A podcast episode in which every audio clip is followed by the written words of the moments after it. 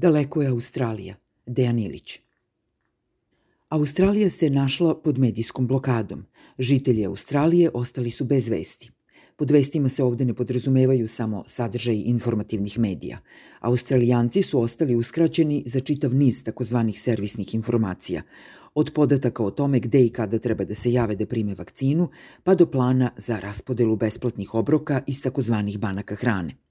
Reklo bi se pao je sistem, kao kada nestane struja. Ali nije nestala struja, povukao se iz Australije Facebook.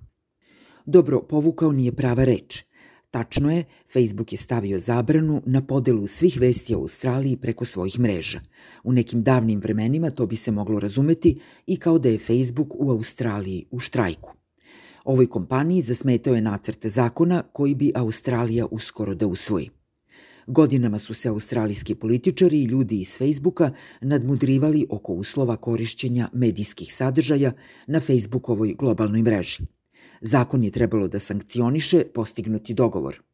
Ali, veruju ljudi iz Facebooka, to se nije dogodilo. Zakon, ako se usvoji, ugrožava legitimne interese kompanije. U nameri da australijske zakonodavce nauči pameti, Facebook je danas, rečeno starovremenskim jezikom, stupio u štrajk. Ali u ovim našim prilikama jasno je da to nije štrajk, nego ucena, to jest demonstracija gole sile – a u nacrtu zakona stoji tek to da Facebook treba da plati australijskim medijskim kućama za korišćenje njihovih sadržaja. Ako se stvari još malo razlože, australijski zakonodavac želi da ozakoni da deo novca od svakog plaćenog oglasa na Facebooku mora ići i medijima, uz čiji sadržaj je oglas postavljen. Facebook kaže, preko naše mreže mediji sa svojim sadržajima dobacuju do daleko većeg broja korisnika i to besplatno. Svoje troškove održavanja i razvijanja mreže kompanija pokriva naplaćivanjem oglasa koje plasira uz te sadržaje. Čitalac pak dobro zna da to nije jedino što Facebook prodaje. Pored toga, mediji, australijski ili bilo koji drugi, nemaju bog zna šta od toga što njihovi sadržaji stižu do više ljudi. Jeste, dobro je kada raste broj gledalaca ili čitalaca, ali mora od nečega i da se živi. Bezmalo sva korist od rasta broja gledalaca i čitalaca sliva se ka Facebooku, a ne ka medijima čim se sadržajima mreža puni. Zakonodavna vlast u Australiji pomislila je da zaštiti žitelje u svojoj zemlji od ovog svojevrsnog izrabljivanja. Facebook se razgoropadio i rešio da pokaže ko je u stvari zakon. U komentarima u Evropi i Sjedinjenim državama kaže se da su proverbijalne sve oči uprte u Australiju. Ostale države čekaju da vide da li će tamošnji zakonodavci odoleti sileđijskom pritisku i progurati zakon. Ako se to dogodi, ostale zemlje čekaju spremne da urade istu stvar. Zato je i za Facebook čitav taj australijski zaplet tako bitan. On iz tog sukoba ne sme da izađe poražen.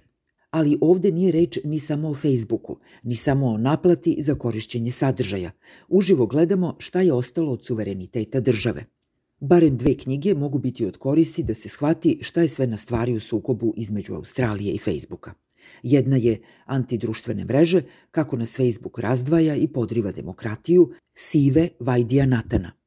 Vajdija Natan dokumentovano i uverljivo objašnjava kako Facebook ruši vrednosti u čije ima nastupa i koje tobože proklamuje. Ispod krinke tih vrednosti stoji gola želja za zaradom – Prioritet je uzeti što više novca, bez obzira na posledice i na proklamovane moralne obzire. Izvan fokusa studije Vajdija Natana ostao je kontekst u kome je bilo moguće da jedna takva mreža stekne toliku globalnu moć da samo uvereno ulazi u sukobe sa državama i računa na to da može da ih pregazi. Taj kontekst tema je knjige Digitalna isključenost kako kapitalizam okreće internet protiv demokratije Roberta McChesneya. McChesney svoju knjigu piše na medijskim razvalinama u Sjedinjenim državama posle prve decenije 2000-ih i razornog uticaja deregulacije medijskog tržišta. Sasvim kratko, McChesney objašnjava kako je povlačenje države iz medija i guranje medija na tržište dalo rezultate sasvim suprotne od onih koji su se tobože očekivali. Umesto da se dobije razuđena, fino balansirana i nijansirana mreža medija sa raznovrsnim sadržajima od lokalnog do saveznog nivoa, Dobijena je strogo centralizovana i hijerarhizovana mreža malobrojnih medijskih ogranaka sa jednoobraznim sadržajima, nimalo osetljiva na potrebe korisnika. Gurnuti u trku ne za što veću publiku nego za golo preživljavanje, bez materijalne podrške države, mediji su se potpuno okrenuli oglašivačima, od kojih je još jedino mogao da se uzme novac i kojima su umesto svog osnovnog proizvoda, sadržaja, kao robu ponudili svoju publiku. Tu trku su oni naprosto morali da izgube. U takmičenju u prodaji publike oni se nisu mogli nositi sa društvenim mrežama, jer osnovni proizvod Facebooka i drugih društvenih mreža jesu upravo njihovi korisnici. Kako u Sjedinjenim državama, tako u Australiji. Država koja je sama svojim merama oslabila medije i gurnula ih u zagrljaj Facebooka – u kome se oni pre ili kasnije moraju ugušiti, sada pokušava da svoju grešku ispravi i za medije otkine barem deo kolača koji je tako olako prepustila društvenim mrežama. Ali sada se pokazuje i druga pogubna posledica pogrešne medijske politike. Nisu oslabili samo mediji, slaba je postala i sama država kada treba da obara ruku sa medijskim grdosijama poput Facebooka. Najbolje bi bilo da se države vrate jedan korak unazad, natrag u medijsko polje – McChesney nudi barem jedno originalno rešenje u kome bi vredilo razmisliti, takozvane medijske vouchere. To je neka vrsta simulacije tržišta na kome bi se nadmetanje odvijalo samo u onim sferama u kojima to za medije ima smisla.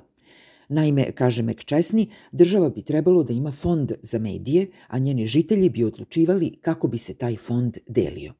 Svaki građanin dobio bi vaučer na određeni iznos i taj bi iznos mogao da podeli medijima za koje on smatra da vrede da postoje. Vaučerima se ne bi moglo trgovati a mediji koji bi bili potencijalni korisnici ovih vaučera ne bi smeli da svoj medijski prostor nude oglašivačima. Tako bi država brinula o medijima, ali ne bi mogla da ih kontroliše. Mediji bi morali da se kvalitetom svog sadržaja bore za publiku i sredstva kojima ta publika raspolaže dok bi publika dobila moć da kreira javni prostor prema svojim potrebama. Zakonodavac u Australiji, verujem, nije ni pomislio da krene ovim putem. Umesto toga ušao je u sukop sa Facebookom u nameri da od kompanije iskamči mrvice za svoje medije. Facebookova jadikovka da se tako ugrožava poslovanje kompanije zapravo je gnusna. Kada se pogleda koliko je Facebook uvećao svoje bogatstvo i uticaj, a na šta su umeđu vremenu spali mediji, Facebookovi argumenti mogu se videti isključivo kao goli cinizam. Na kraju možemo se pitati gde stoji Srbija u odnosu na ove teme. Pošto se nasmejao i odmahnuo rukom, čitalac se prisetio da je i ovde izvršena deregulacija medijskog tržišta, da se i ovde na sva zvona uvodila i slavila privatizacija medija. I šta imamo danas? Pa isto što i drugi, centralizovanu, gotovo jednoobraznu i strogo kontrolisanu medijsku mrežu. Razlika je pak u tome što domaćem režimu nije ni na kraj pameti da se suprotstavi monopolima koji Srbiju pritiskaju s polja, makar i pogrešno, kao što to sad radi Australija. Tekući režim sa Vučićem na čelu, ako bi se i usudio da pregovara, postavio bi samo jedno pitanje. A koliko sam ja dobar u svemu tome?